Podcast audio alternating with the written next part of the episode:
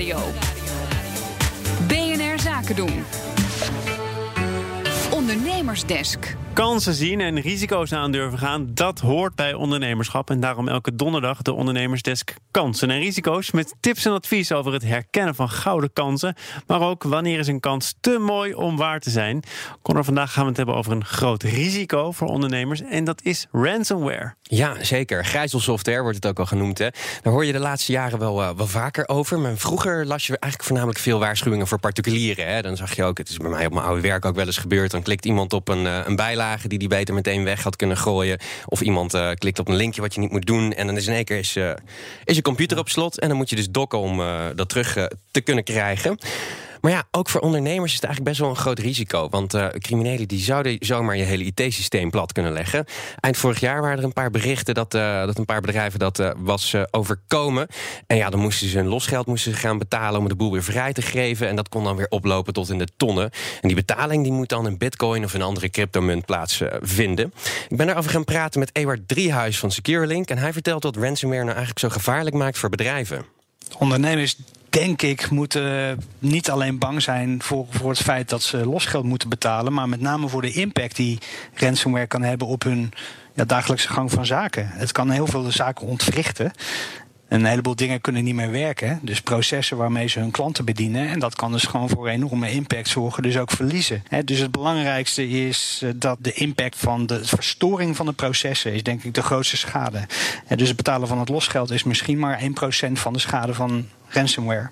Ja, het gaat dus om veel meer dan alleen dat losgeld. Hè?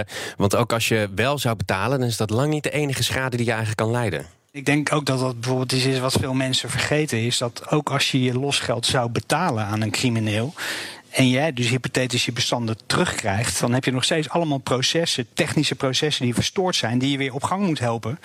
En dat is niet zomaar gezegd dat met, het, met die bestanden die je terug hebt, dat je dat dan weer 1, 2, 3 op gang krijgt. Dat kan nog steeds enorm veel moeite kosten. Maar laten we even bij het begin uh, blijven beginnen. Namelijk de vraag: moet je dat losgeld, ook al is het dan maar 1% van de schade, uiteindelijk betalen of niet? Nou ja, dat kun je doen, maar je hebt eigenlijk helemaal geen garanties. Hè? En Ewart die noemt het zelfs een beetje egoïstisch. Want ja, veel bedrijven eh, stellen eigenlijk vast dat betalen goedkoper is dan een lange adem hebben. En alles dus proberen terug te zetten vanuit backups en dat soort dingen. Ja, sommige bedrijven denken dan misschien: ja, als ik gewoon betaal, dan ben ik er bij wijze van spreken binnen een dag weer vanaf. Maar dat is helemaal niet altijd waar. Het, vervelende van betalen is, je maakt voor jezelf heb je geen garanties dat je ook daadwerkelijk die bestanden snel terugkrijgt. Het blijven boeven en die kun je niet vertrouwen. Als je de bestanden terugkrijgt, dan is er geen garantie dat je processen weer snel terug zijn. Want dat kan een heleboel effort kosten. Dus uh, het belangrijkste is dat, dat je als je betaalt ook nog eens een probleem voor alle andere mensen, voor alle andere bedrijven uh, in de wereld helpt. Want de criminelen die weten dan, nou ja goed, als wij betalen, dan krijgen, als, als, als wij losgeld vragen, dan krijgen wij uh, betaald. Dus wij blijven gewoon hiermee doorgaan. Dus je maakt het leven voor alle andere mensen een beetje vervelender. Ja, is zuur voor andere ondernemers. Maar ja, wie zegt dat ze bij jou ook niet gewoon nog een keer terugkomen? Nou, en dat is, er wordt ook wel hevig over gespeculeerd. Dat als jij betaalt, dan krijg je ook net zoals met inbrekers een soort kruisje naast je voordeur zetten. Bij wijze van spreken, deze sukkers betalen gewoon. Eh, of inbrekers die zeggen, nou, dit huis, daar, daar, kan je wat, daar valt wat te halen. En, en misschien gebeurt dat bij cybercriminelen ook wel.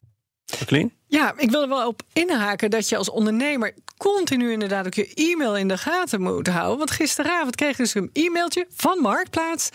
Uh, geachte Jacqueline Zuidweg, uh, we hebben geconstateerd uh, dat er is ingelogd op uw account vanuit een desktop ergens in Rusland of Oekraïne, whatever.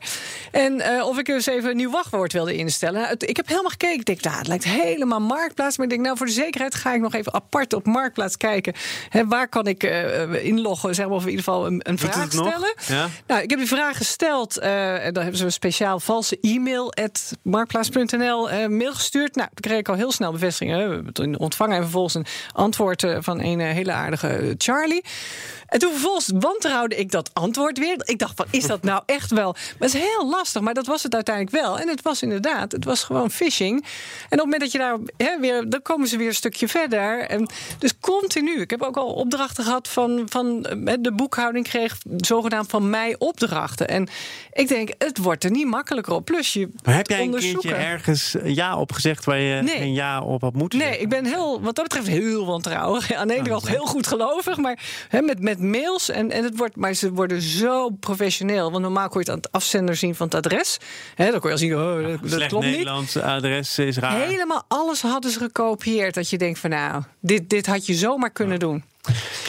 Eens te meer duidelijk dat wij ons hier tegen moeten wapenen. Hoe doen we dat?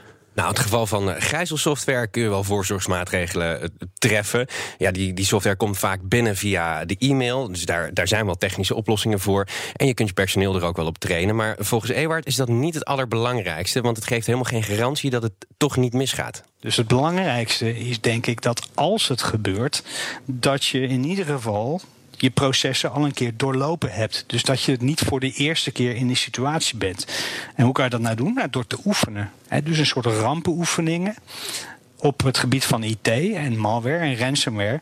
Dat zijn uitstekende manieren om de, ja, de processen van het terugkeren naar een normale situatie een keer te oefenen. Want heel vaak eh, dan loopt het spaak. Bijvoorbeeld als je iemand moet bellen met een bepaald wachtwoord voor een systeem en die persoon is op vakantie of die persoon ligt in het ziekenhuis of toevallig was het wachtwoord vergeten. Nou, daar kom je allemaal achter op zo'n moment.